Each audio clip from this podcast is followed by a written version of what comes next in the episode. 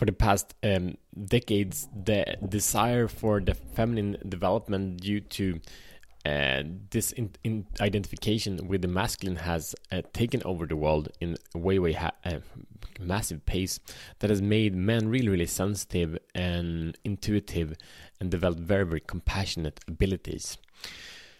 But most men that have these powers are confused uh, disoriented and do not feel themselves, do not know where they are, and they're really confused like, why is life so hard, even though I did all this work? Let's talk about that. Welcome to Show the Fuck Up podcast. My name is Matt Fyron, and this show is for men that are ready to free themselves from the prison of playing small, unleash their personal greatness, and master the four areas that creates meaningful life being purpose, passion, power, and profit. Let's go, let's roll, let's have fun. So that's the story. We come from uh, we, men have always been men. Men have been uh, taught by men how to live life, uh, and good and bad. Men have always been have um, powerful, uh, constructive, and destructive sides. Uh, will always be, uh, but there has been the gift of the masculine um, has been passed down from generation to generation. In the past decade, it has been less of that, and the values that there's been huge judgment of the masculine traits and abilities Mm, and mm, we have, such as me and many other men, have been growing up primarily with mm, female men, women around, women, female friends, and uh, female values around. Uh, uh, amazing values and great uh, lessons. it's been that men uh, then have been diving into the beauties of of the world of expression, of creativity, of um, uh, flow. And you know they dance and these guys are beautiful and they have long beautiful hair and dress in colorful clothes and live from their heart.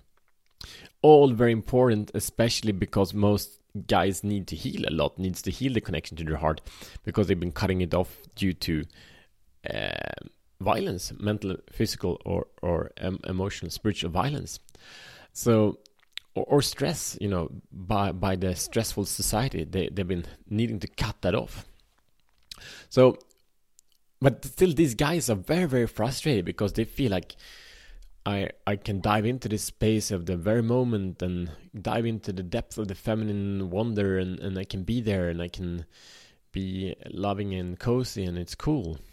But who am I? What am I in all of this? and there is no answer because your answer is not there. It's it's like a that I don't know if you know the story about them. uh, what's it called that ugly duckling I think and uh, den fula ankungen in Swedish. It's a story about the duck that was grown up by the um, a, a, baby duck that was grown up by a, a duck mom and duck siblings, and everyone hated on this duck.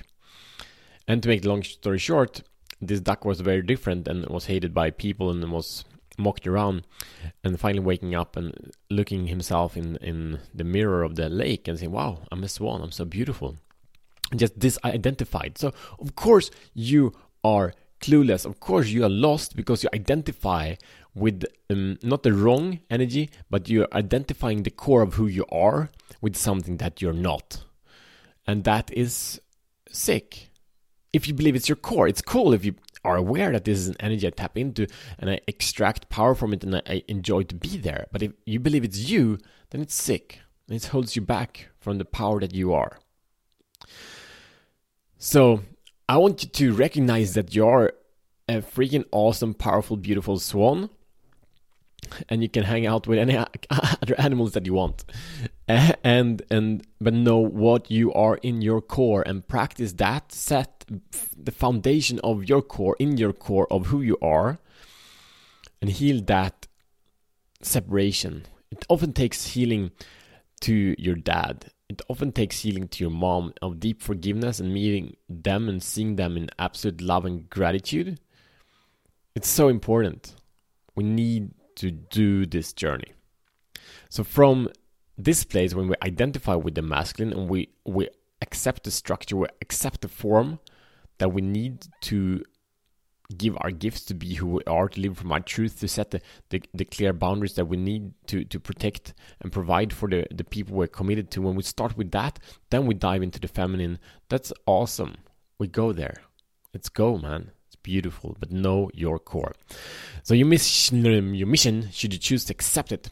This is, by the way, the, the second last episode, the English version, will go become a Swedish show. I'm so nervous. That's why it takes some time. I don't go for perfection. I go for evolution. anyway, so share this episode with all Swedes, and Nordic people that you know, so more uh, of them can free themselves from prison of playing small.